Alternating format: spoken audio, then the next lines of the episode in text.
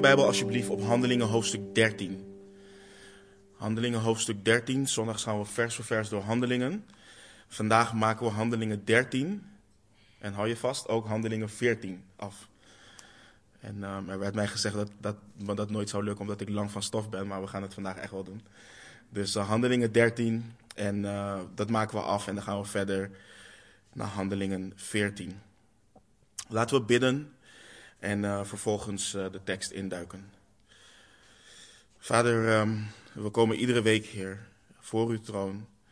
En dat allemaal uit uw genade, Heer. En uh, dank u voor het feit dat wij, Heer, dit prachtige woord uit de hemel hebben ontvangen van u, Heer.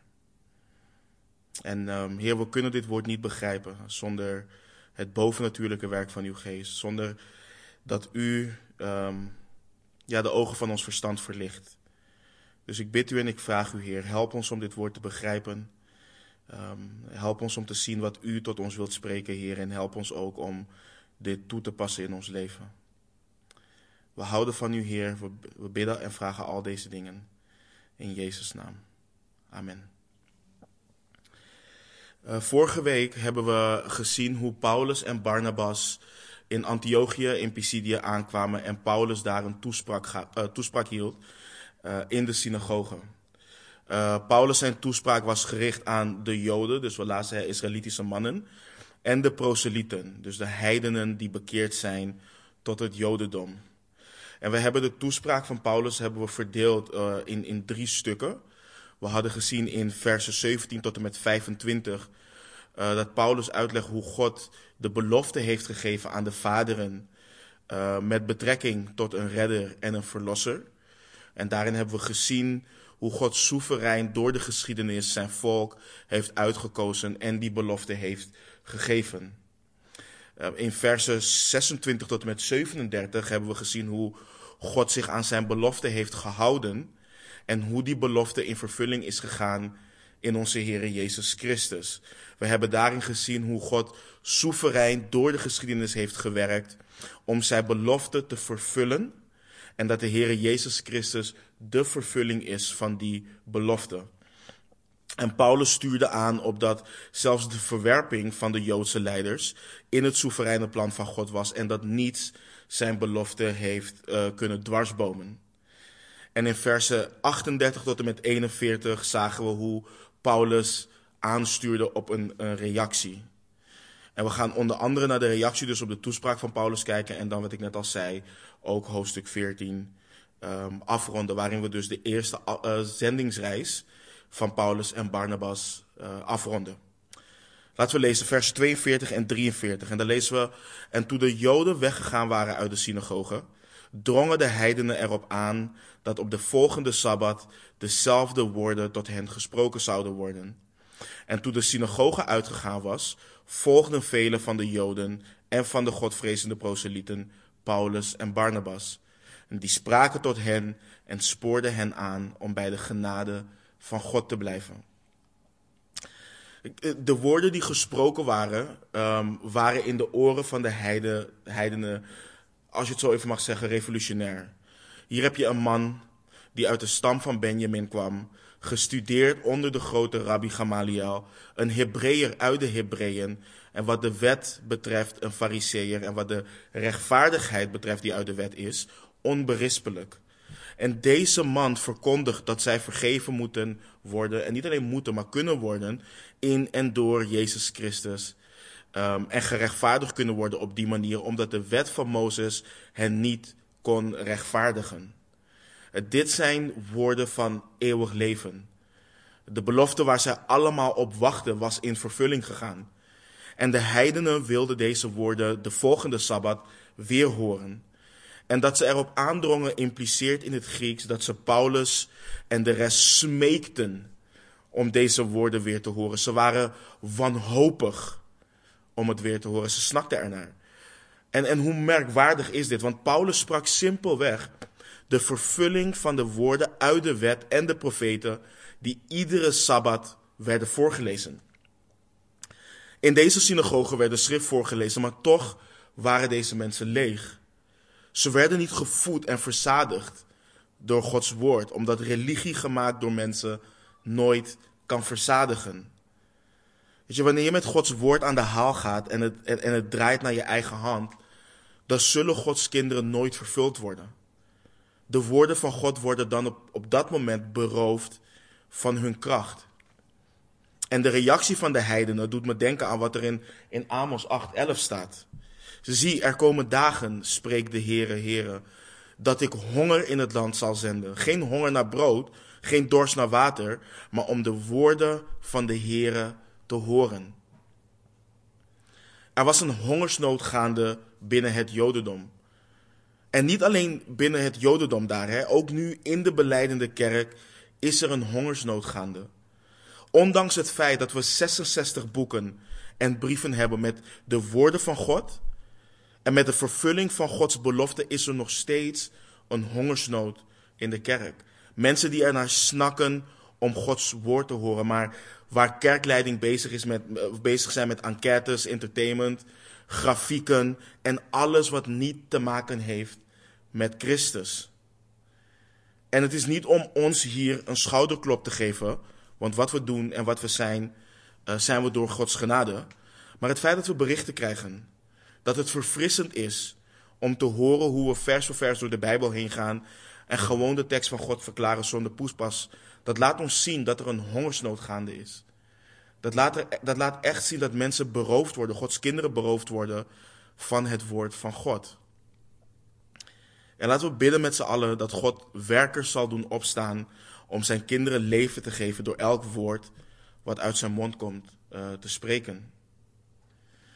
En in vers 43 zien we dat toen de dienst volledig afgelopen was, er veel Joden en heidenen waren die Paulus en Barnabas volgden. En let op wat Paulus en Barnabas deden. En het is belangrijk om daar niet zomaar overheen te lezen. Het lijkt simpel, en het is simpel, maar het is zo belangrijk en zo diepgaand. Die we lezen, die spraken tot hen en spoorden hen aan om bij de genade van God te blijven.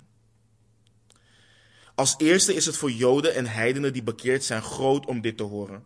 Blijf bij de genade van God. En wat we hier in het Grieks leren over het feit dat Paulus en Barnabas hen aanspoorden, betekent dat ze hen overtuigden. Ze moesten niet weggaan bij de genade van God. Ze moesten daar niet van afwijken, want niets anders dan de genade zou hen kunnen rechtvaardigen en hen vergeving kunnen bieden. En dit wat Paulus en Barnabas, uh, wat ze doen, is een hele belangrijke les voor ons. En voor de mensen die al langer wandelen met de Heer. Dit is, dit is discipelschap. Dit is hoe je mensen wijst op de Heer. Om bij de genade van God te blijven. Niet om mensen allerlei regels op te leggen. Niet om mensen met je eigen ideeën te overtuigen van wat ze wel of niet moeten doen. We moeten alles vanuit Gods genade bekijken. En, en, en denk niet dat ik um, predik dat de genade van God ons vrijheid geeft om te doen wat we willen. Genade van God heeft een diepgaand effect op de mens. Dit is hoe je mensen um, wijst. Dus kijk, wat het leidt, en dat is belangrijk om te weten. Genade van God leidt altijd tot bekering. Het leidt tot het vasthouden aan God en de eenvoud die er is in Christus.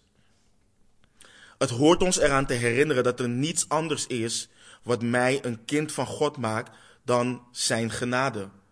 Niet mijn eigen ijver, niet mijn eigen regels, niet mijn eigen karakter en niet mijn eigen werken.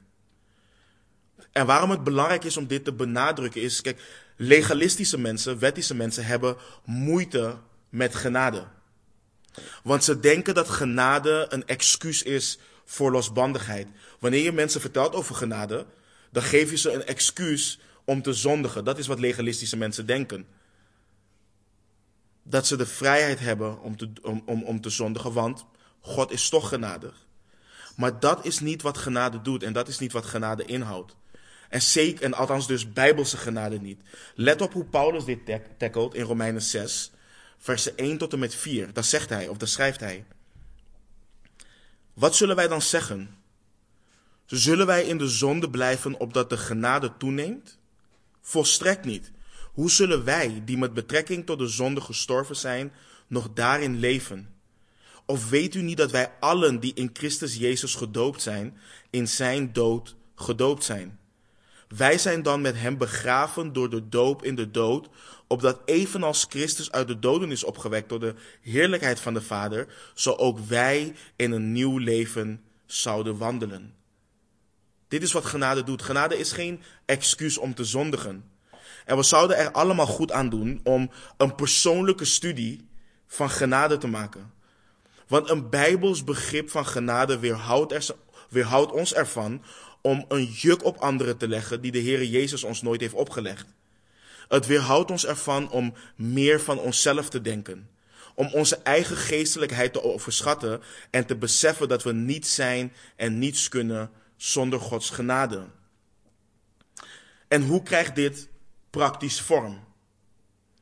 Kijk, je kunt bijvoorbeeld naar iemand toe gaan. Iemand die net bijvoorbeeld tot bekering is gekomen.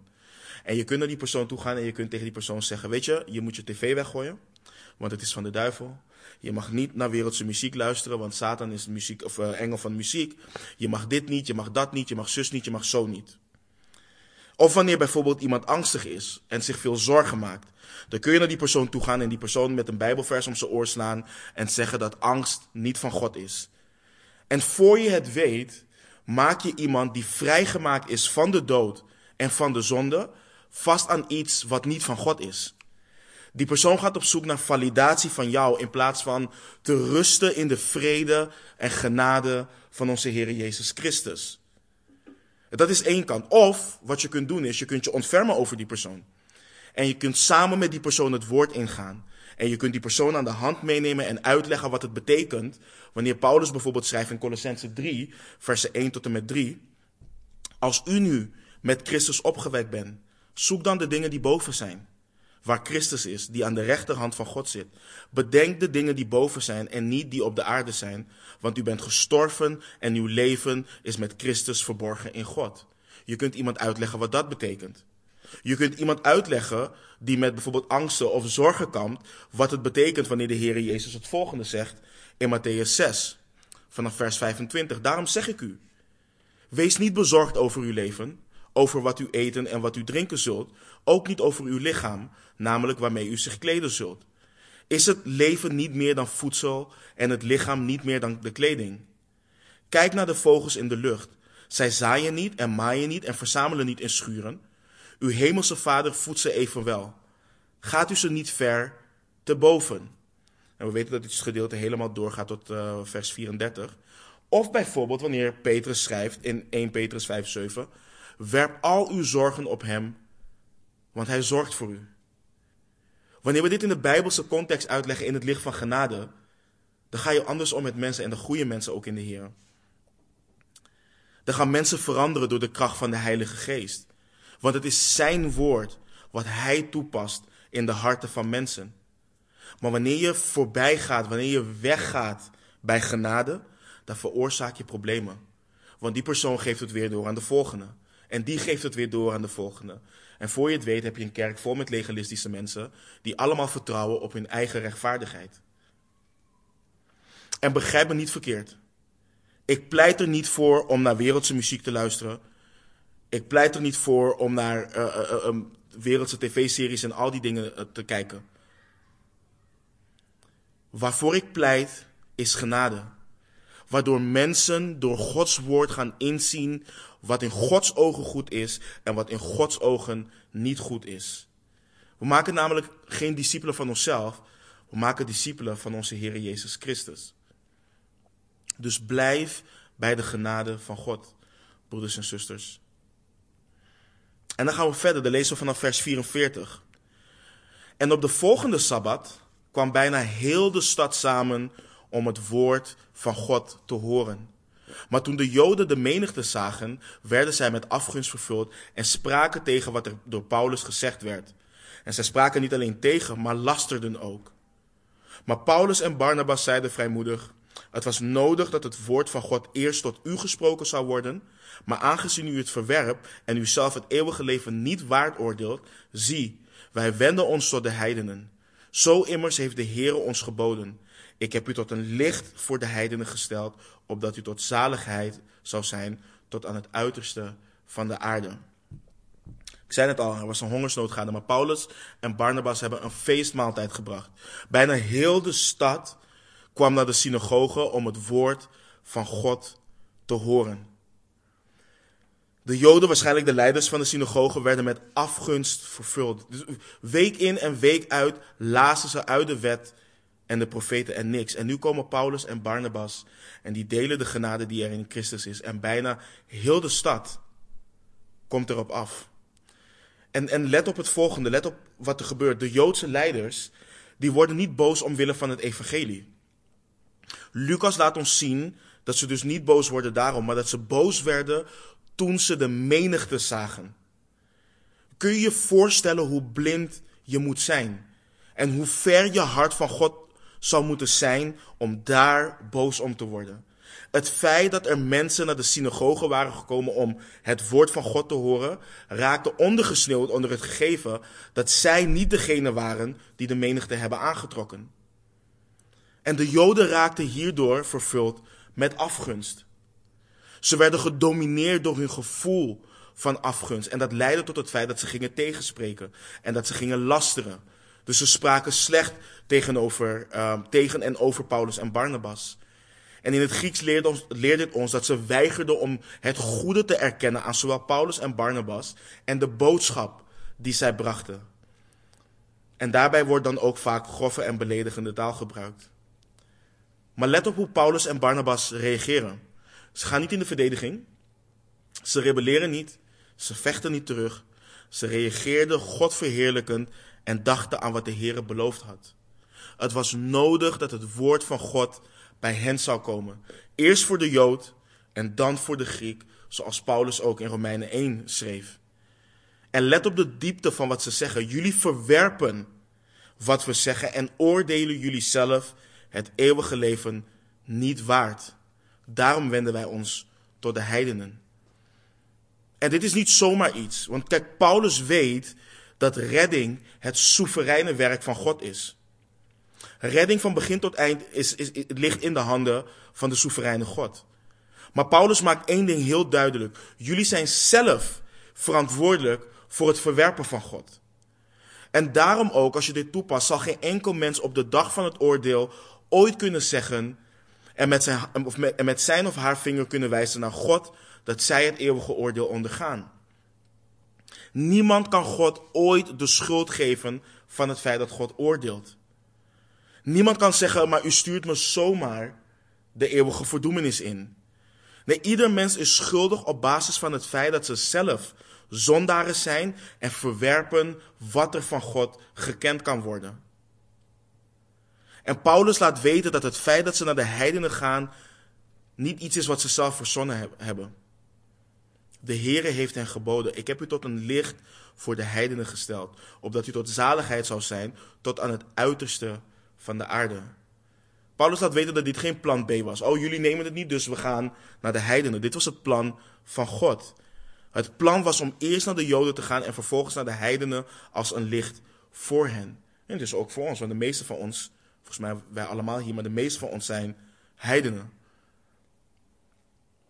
En in tegenstelling gaan we zien tot de Joden zien we een hele andere reactie van de heidenen vanaf vers 48. Dan lezen we verder. Toen nu de heidenen dit hoorden, verblijden zij zich en prezen het woord van de Heere. En er geloofden er zoveel als er bestemd waren voor het eeuwige leven. En het woord van de Heere verbreidde zich door heel het land.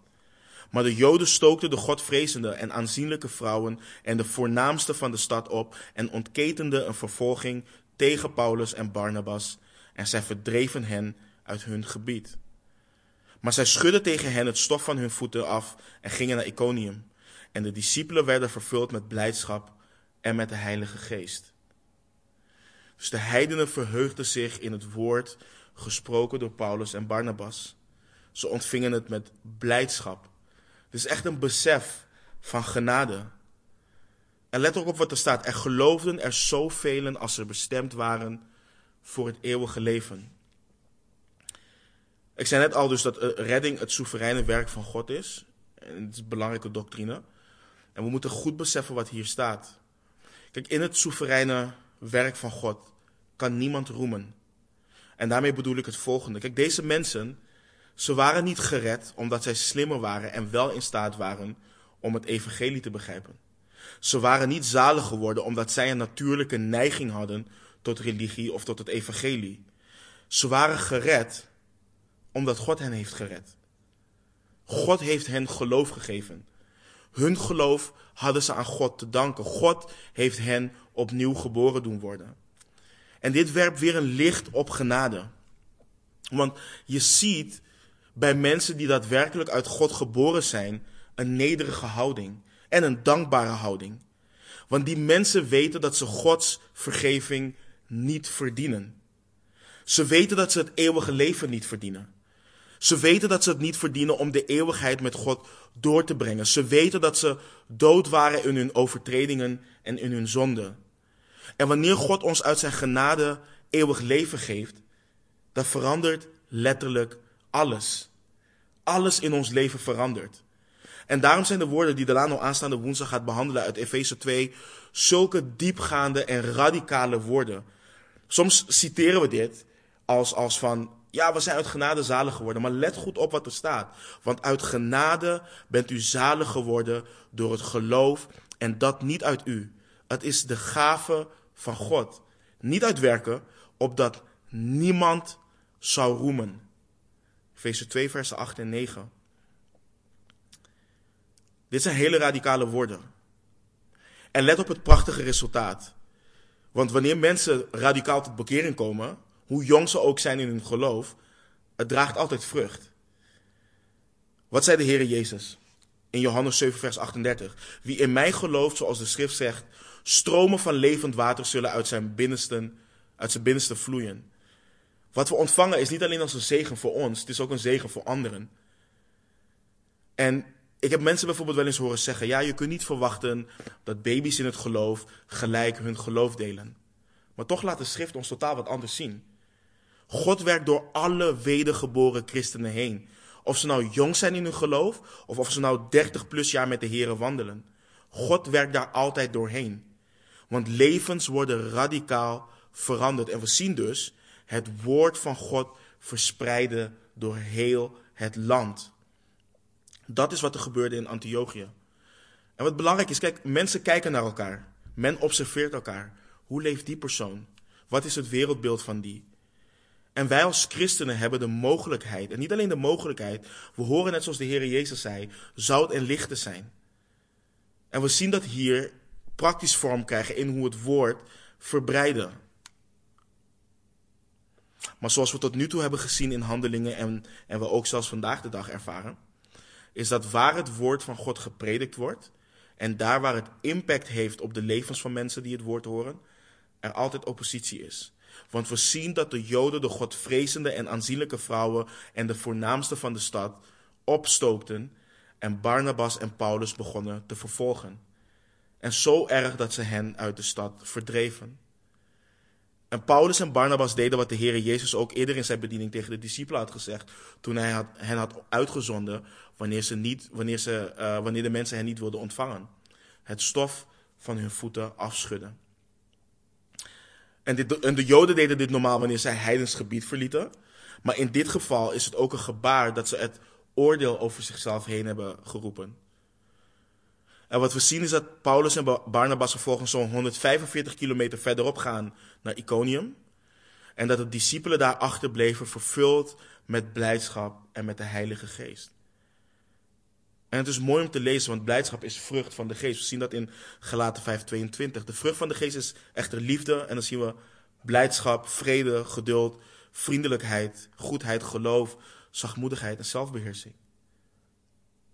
Het is ook een goed om bij onszelf te toetsen. Zijn we nog vervuld met blijdschap omwille van Gods genade in ons leven? Het feit dat we gered zijn door de uh, soevereine God en dat Hij ons geloof heeft geschonken, als we daarbij stilstaan, geeft dat ons blijdschap, vervul dat ons met blijdschap. Maar verder, en ik zei al, we gaan, vers, uh, we gaan hoofdstuk 14 afmaken, dus handelingen hoofdstuk 14 gaan we nu. En dan zien we vanaf vers 1. En het gebeurde in Iconium dat zij samen de synagoge van de Joden binnengingen en zo spraken dat een grote menigte, zowel van Joden als van Grieken, geloofde. Maar de Joden die ongehoorzaam waren, wekten in de zielen van de heidenen onrust en verbittering tegen de broeders. Zij verbleven daar dan lange tijd en spraken vrijmoedig in vertrouwen op de Heere, die getuigenis gaf aan het woord van zijn genade en tekenen en wonderen door hun hand liet gebeuren. En de bevolking van de stad raakte verdeeld. Sommigen waren voor de Joden, anderen voor de apostelen. Paulus en Barnabas waren mannen met een missie, een missie van God. Ondanks de ervaring in Antiochië en Pisidië gingen ze door in Iconium. Ook daar gingen ze de synagoge binnen en spraken daar tot een grote menigte. En ook daar kwamen er zowel Joden, Joden als heidenen tot geloof. Maar Lucas leert ons dat er weer hier ongehoorzame Joden waren. En, en waarschijnlijk heeft hij dan over Joodse leiders met hun volgelingen dan ook. En deze veroorzaakte onrust en zorgde ervoor dat de heidenen verbitterd raakten tegen Paulus, Barnabas en de rest. En, met, en wat met verbittering bedoeld wordt, is schrijnend. In het Grieks leert, ons, uh, leert het ons dat ze, gedachten, dat ze de gedachten van de heidenen vergiftigden. Ze maakten hem boos. Ze spraken dingen tegen hen die ze boos maakten op de broeders. Maar Paulus en de rest bleven daar een tijd en ze bleven in vrijmoedigheid en in vertrouwen op, het, op God het woord spreken. En ze bleven dus getuigen van de Heer Jezus. En God bevestigde hun boodschap door wonderen en tekenen door hun handen te laten gebeuren. En ik heb het vaker gezegd, maar de tekst laat het ons hier weer zien. Dat wonderen en tekenen altijd zijn gebruikt door de, handen van de, door de handen van de apostelen om de boodschap van het evangelie te bevestigen. Dus de hele movement die al jaren gaande is en al die genezingsbedieningen die we zien, die zijn niet bijbels. Het is niet gebaseerd op Gods woord. Het idee dat we moeten kijken naar de apostelen in handelingen en die wonderen en tekenen moeten doen, is gebaseerd op sensatie. Want let op wat er staat. God liet het door hun handen gebeuren. Hij is degene die de wonderen en tekenen deed. En let op hun reactie ook in vers 4. De bevolking in de stad raakte verdeeld. Sommigen kozen voor de Joden en anderen voor de apostelen. En dit is altijd het effect op de prediking van Gods woord. Niet alleen richting ongelovigen, ook binnen de vier muren van de gemeente. Hoe dieper je Gods woord namelijk ingaat, des te meer er van je hart wordt geopenbaard. En dit kan zich altijd uiten op twee manieren: rebellie of onderwerping aan Gods woord. En hier zie je dat een deel rebelleerde en de kant van de Joden koos, en de anderen gaven gehoor aan de apostelen. En dit is niet alleen bij de apostelen zo geweest. Je ziet dit ook continu terug in de bediening van onze Heer Jezus Christus. Soms werd het zo erg dat sommigen stopten met hem navolgen. Let bijvoorbeeld op Johannes 6. Daar reageerden sommigen na een toespraak van de Heer Jezus als volgt. Dus nadat hij de menigte had gevoed en dat hij had gezegd dat hij het brood des levens was en noem maar op. En dan lezen we vanaf vers 60, Johannes 6, vanaf vers 60. Velen dan van zijn discipelen die dit hoorden, zeiden: Dit woord is hard. Wie kan het aanhoren? Maar omdat Jezus bij zichzelf wist dat zijn discipelen daarover morden, zei hij tegen hen: Neemt u hier aanstoot aan? En als u, de mens des, als u de zoon des mensen nu eens zou zien opvaren naar de plaats waar hij eerder was. De geest is het die levend maakt. Het vlees heeft geen enkel nut. De woorden die ik tot u spreek zijn geest en zijn leven. Maar er zijn sommigen onder u die niet geloven. Want Jezus wist van het begin af wie het waren die niet geloofden en wie het was die hem zou verraden. En hij zei, en hij zei daarom heb ik u gezegd dat niemand tot mij komen kan, tenzij het hem door mijn vader gegeven is. Van toen af trokken vele van zijn discipelen zich terug en gingen niet meer met hem mee. Je ziet, al, je, ziet, je ziet dat continu gebeuren in, in de bediening van de Heer Jezus. Hoe harder zijn prediking ook werkt, hoe meer hij van zichzelf ging openbaren, des te meer verdeling je zag. Des te meer je zag dat er een groep was die echt achter hem aanging. En dat een groep was die dacht van nee, nu ben ik echt klaar. Hij is niet meer die goede um, leraar of die verstandige man die we dachten dat hij was. En het is de Heer Jezus die ook zelf zei in Matthäus 10, vanaf vers 34. Denk niet dat ik gekomen ben om vrede te brengen op de aarde. Ik ben niet gekomen om vrede te brengen, maar het zwaard. Want ik ben gekomen om tweedracht te brengen tussen, tussen een man en zijn vader. En tussen een dochter en haar moeder. En tussen een schoondochter en haar schoonmoeder. En iemands huisgenoten zullen zijn vijanden zijn. Wie vader of moeder lief heeft boven mij, is mij niet waard. En wie zoon of dochter lief heeft boven mij, is mij niet waard. Dit zijn hele diepgaande woorden. En het is niet zozeer dat de Heer Jezus wil dat er ruzie is. Maar wat ik net al zei, zijn boodschap brengt tweedracht, omdat het gaat over fundamentele zaken. Zaken waarvan je niet kan zeggen, zoals ze zeggen in het Engels, we agree to disagree. Dat kunnen we niet doen met Gods woord. Gods woord is zijn woord, of we het nou leuk vinden of niet. En het evangelie verdeelt. Omdat ik net al zei, het laat zien wat er in ons hart leeft en dat we ons daar niet van willen bekeren. Dus wat krijg je bijvoorbeeld? Wanneer jij rebelleert in jouw hart tegen een gebod van de Heer en een broeder en zuster daar wel gehoor aan geeft en jou daarvoor vermaant, dan krijg je dat mensen je radicaal noemen. Of dat krijg je dat mensen je wettisch of legalistisch noemen. En wat je op een gegeven moment krijgt is dat je, dat je lijnrecht tegenover elkaar staat. En dat is wat er hier in Iconium gebeurt. De mensen raakten verdeeld, maar de apostelen konden niet door blijven gaan met hun bediening. Hoeveel vrijmoedigheid ze ook hadden. We lezen vanaf vers 5. En toen er een oploop ontstond, zowel van heidenen als van joden, met hun leiders, om hen smadelijk te behandelen en te stenigen, vluchtten zij, toen dit tot hen uh, doorgedrongen was, naar de, naar de steden van Lycaonië, namelijk Lystra en Derbe en de omgeving ervan. En zij verkondigden daar het evangelie. Te midden van het prediken en de wonderen en tekenen die de apostelen deden, ontstond er een oploop en zowel de ongehoorzame Joden en, en de Joodse leiders wilden de apostelen smadelijk behandelen en ook de heidenen. En in het Grieks laat het ons weten dat ze geweld wilden gebruiken tegen de discipelen of tegen de apostelen. We lezen dat ze hen wilden stenigen.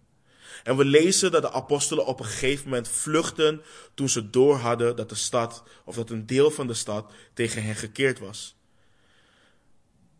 En het is belangrijk om hierbij stil te kijken. Paulus en Barnabas leren ons hier dat het, dat het niet getuigt van geestelijke onvolwassenheid wanneer er een moment komt dat je moet vluchten.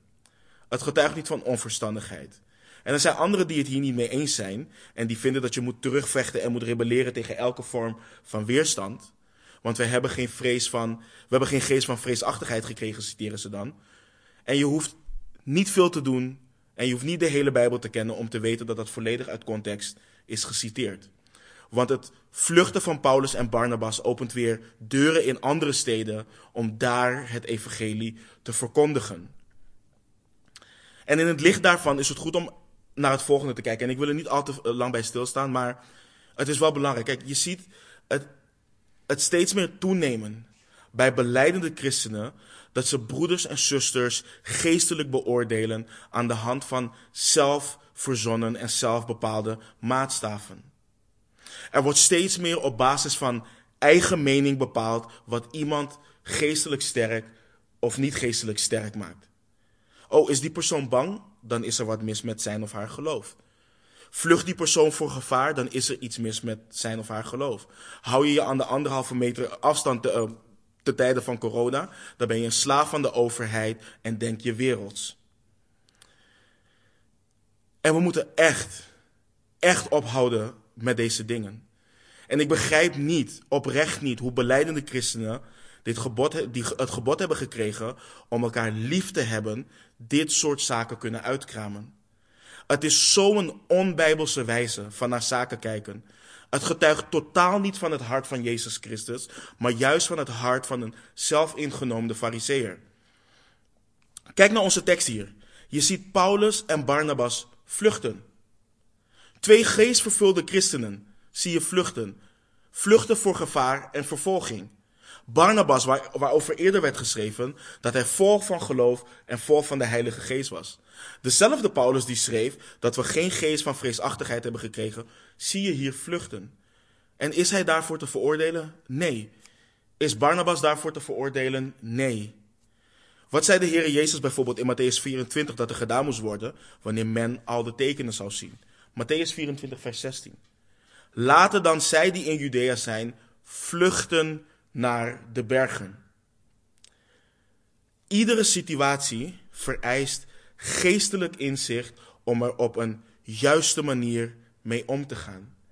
En laat het een bemoediging zijn. Laat niemand je op een onbijbelse wijze terechtwijzen en je doen twijfelen over je eigen geestelijke staat. Dus Paulus en Barnabas vluchten dus naar de steden van Lycaonië. En, en dus namelijk Lystra en Derbe en de omgeving ervan. En zij verkondigden daar het evangelie. Lystra lag zo'n 32 kilometer van uh, Iconium af. En Derbe weer zo'n 93 kilometer daarbovenop. En Paulus en Barnabas bevinden, bevinden zich hier dus momenteel in de provincie uh, Galatië. Dus waar we de brief van Galaten ook kennen. En daar verkondigden zij het evangelie. En dan krijgen we te maken met een bovennatuurlijke gebeurtenis vanaf uh, vers 8. Dan lezen we, en er zat in Listeren een man die geen macht had over zijn voeten. Hij was kreupel van de moederschoot af en had nooit kunnen lopen. Deze hoorde Paulus spreken.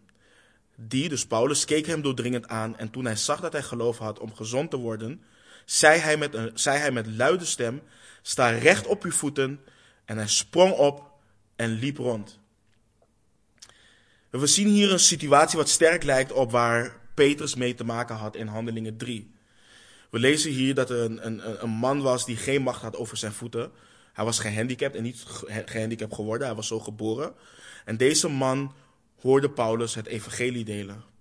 En Paulus keek hem vervolgens doordringend aan.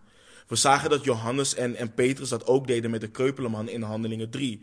Dus Paulus keek die man onderzoekend aan. Hij was gefixeerd op deze man. Maar we zien een heel groot verschil met de genezing van de kreupele man in Handelingen 3. Daar waar Lucas in hoofdstuk 3 niet schrijft over het geloof wat die man had om beter te worden, zien we hier dat dat wel het geval was. En ik geloof niet dat dit met Paulus zelf te maken had, maar het feit dat de Heilige Geest Paulus op bovennatuurlijke wijze liet zien dat die man geloof had om gezond te worden. En laat niemand dit vers, je, uh, laat niemand dit vers gebruiken om je te misleiden en je te doen denken dat alles wat je overkomt en alles wat je tot nu toe niet toegekomen is in het leven, het resultaat is van jouw ongeloof. We weten dat dat bijvoorbeeld in de charismatische beweging heel veel wordt gezegd. Dat is niet wat dit gedeelte ons leert. Dat is niet wat de Bijbel ons leert. Maar nadat Paulus dus, dat dus zag, zei hij met luide stem: Sta recht op uw voeten. En die man sprong op en hij liep rond. Het is ook altijd, altijd bijzonder. In de Bijbel zien we geen revalidatieperiode. Die mensen zijn altijd direct, direct genezen. Dat in tegenstelling wat we wel zien in de charismatische kerk. Maar we zien vanaf vers 11. En de menigten die zagen wat Paulus gedaan had, verhieven hun uh, stem en zeiden in het Lycaonisch: De goden zijn aan mensen gelijk geworden en naar ons afgedaald. En zij noemden Barnabas Zeus en Paulus Hermes, omdat hij het woord voerde. En de priester van Zeus, wiens tempel voor hun stad lag, bracht ossen en kransen bij de poorten en wilde samen met de menigte offeren. Maar toen de apostelen Barnabas en Paulus dat hoorden, scheurden zij hun kleren, stortten zich in de menigte en riepen: Mannen, waarom doet u dit? Ook wij zijn mensen net zoals u. En wij verkondigen u juist dat u zich van deze zinloze dingen moet bekeren tot de levende God die de hemel, de aarde, de zee en alles wat erin is gemaakt heeft. De reactie van, van de mensen, van de menigte, komt ergens vandaan. Er was zo'n mythe die daar rondging dat ooit Zeus en, en Hermes in mensengedaanten dat, dat gebied hadden bezocht. En dat ze op zoek waren naar gasvrijheid, maar dat niemand hun ooit gasvrijheid had geboden. Um, en dat ze vervolgens een oordeel over dat gebied lieten heen komen. Ik zei al, het is een mythe, maar dat is wel wat de mensen daar geloofden. geloofden. Maar op basis daarvan dachten ze dus, Paulus en Barnabas, dat zijn nu Zeus en Hermes, die weer naar dat gebied komen. Dus nu moeten we ervoor zorgen dat we ze echt gasvrijheid, uh, gasvrijheid bieden en gaan offeren aan, aan deze goden. Paulus en Barnabas hadden niets door, maar op het moment dat ze wat doorkregen, dat, dat gebeurde, zien we hun reactie en dat is prachtig. Ze scheurden hun kleren en dat is een teken van diep berouw, diep verdriet. En we hebben ook en we hebben gezien ook wat voor contrast dit, wat met, uh, dit was met uh, Herodes, die de aanbidding van de mensen wel aanvaarde, een aantal hoofdstukken daarvoor. Paulus en Barnabas beginnen daar niet aan. Ze scheurden hun kleren en spraken de menigte aan. Mannen, waarom doet u dit? Ook wij zijn mensen net zoals u. En wij verkondigen u juist dat u zich van deze zinloze dingen moet bekeren tot de levende God. De God die de hemel, de aarde, de zee en alles wat erin is gemaakt heeft.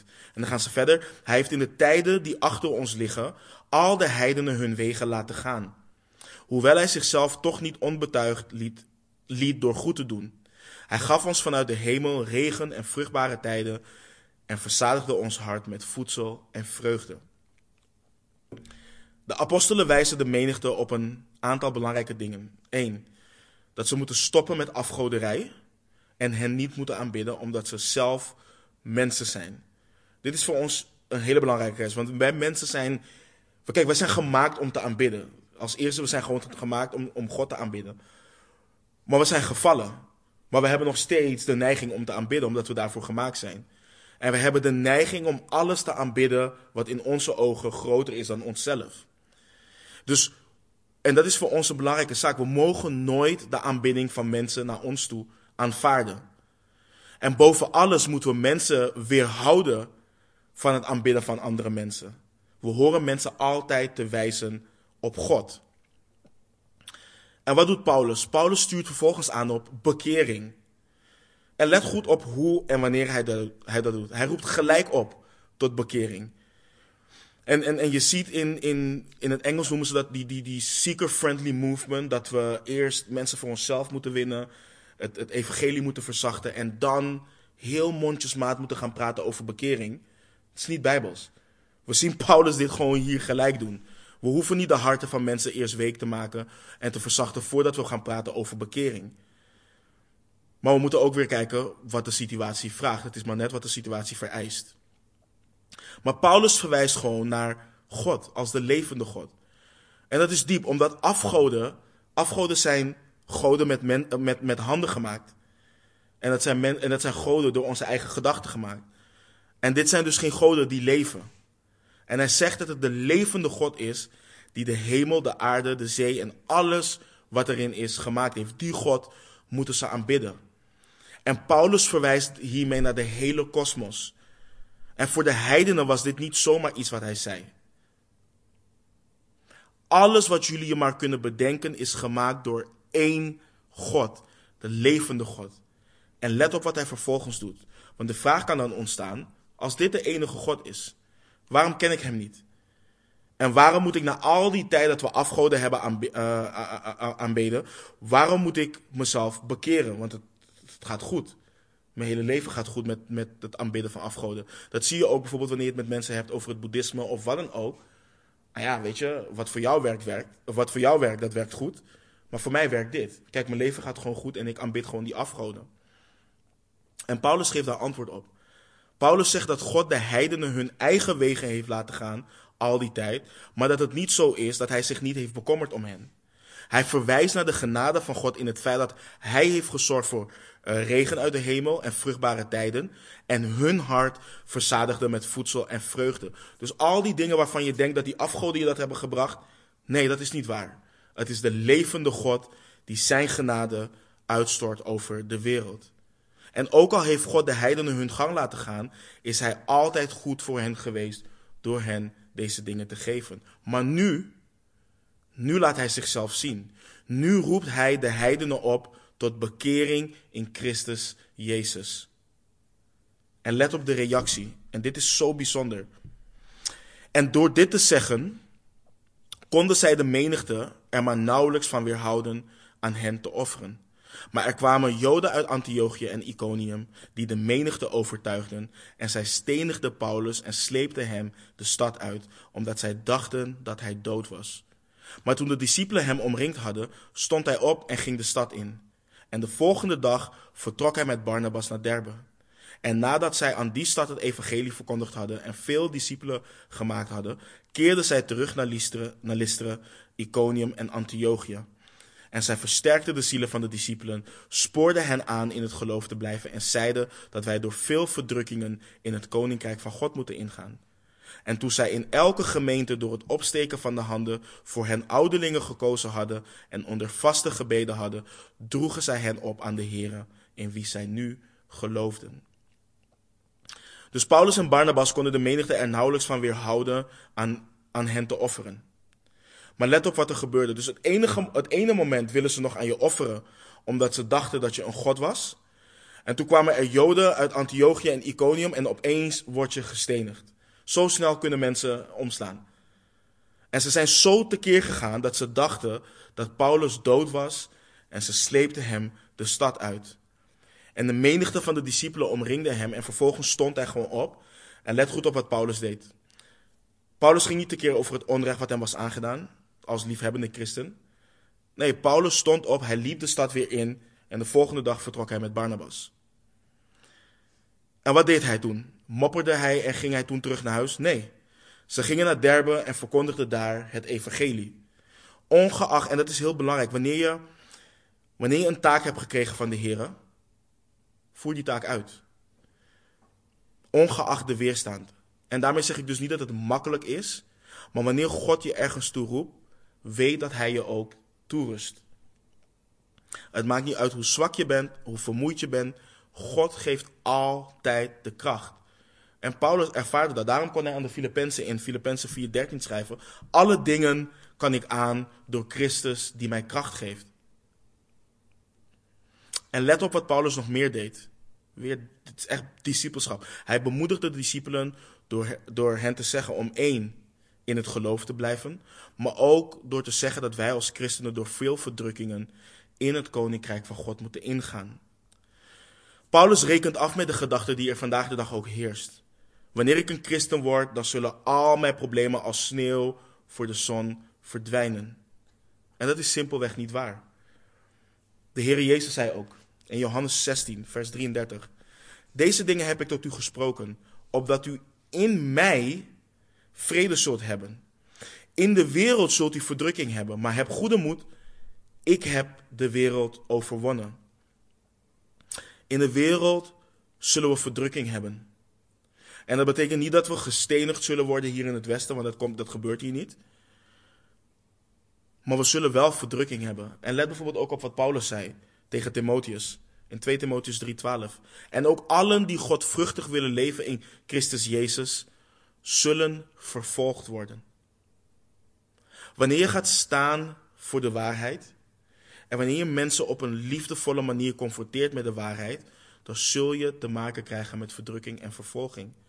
Je zult te maken krijgen met laster en smaad. Men, wat ik net al zei, men zal je radicaal noemen en noem maar op. Maar laat dat je niet ontmoedigen. Jezus heeft de wereld overwonnen. En niet alleen dat. Onze bestemming. Kijk wat onze bestemming is. Uh, nee, sorry, Paulus zei het inderdaad. Onze bestemming is het koninkrijk van God. Geen enkele vervolging weegt daar tegenop. En vervolgens zien we hoe Paulus en Barnabas opzieners, oftewel ouderlingen aanstellen in de gemeenten. En laten we gelijk het hoofdstuk afmaken en dan ook de eerste zendingsreis van Paulus. Lees we vanaf vers 24. En na Pisidië doorgereisd te hebben, kwamen zij in Pamphylië. En toen zij in Perge het woord gesproken hadden, kwamen ze naar Atalia. En daar vandaan voeren zij naar Antiochië, waar zij aan de genade van God opgedragen waren voor het werk dat zij volbracht hadden. En toen zij daar aangekomen waren, riepen zij de gemeente bijeen en deden er verslag van wat, er, van wat voor grote dingen God met hen gedaan had en dat hij voor de heidenen de deur van het geloof geopend had. En zij verbleven daar geen korte tijd met de discipelen. Dus we zien hoe Paulus en Barnabas een terugreis maken naar Antiochië, dus de kerk waardoor zij uitgezonden zijn. En op de weg terug komen ze langs de steden waarin ze, waarin ze vervolgd zijn en ook gesproken hebben. En toen ze aankwamen in Antiochië, gaven ze een verslag van de grote dingen die God had gedaan en hoe God de deuren had geopend bij de heidenen. En om af te sluiten, kijk, het is zo bemoedigend. En dat is echt goed om in, om in ons hart op te bergen en in ons verstand te kerven. Het is zo bemoedigend om te zien hoe trouw God is geweest tijdens hun eerste zendingsreis. Ondanks alle tegenslag kijken Paulus en Barnabas naar de deuren die God heeft geopend.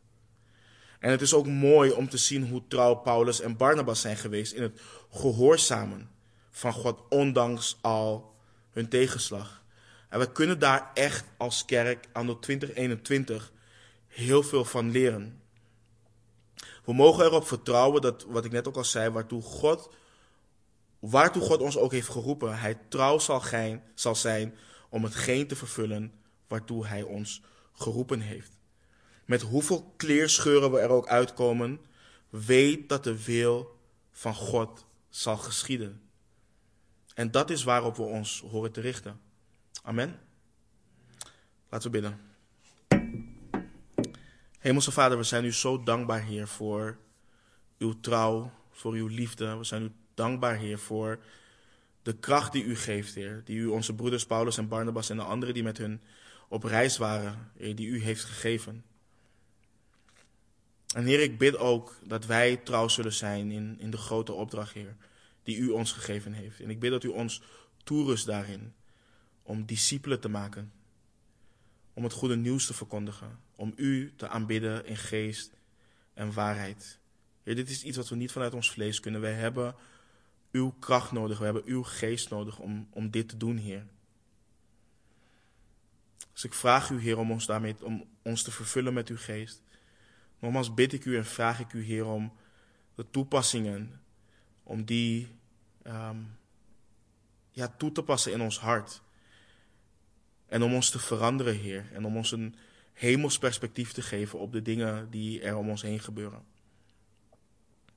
We loven en prijzen uw naam. En we bidden al deze dingen in Jezus' naam. Amen.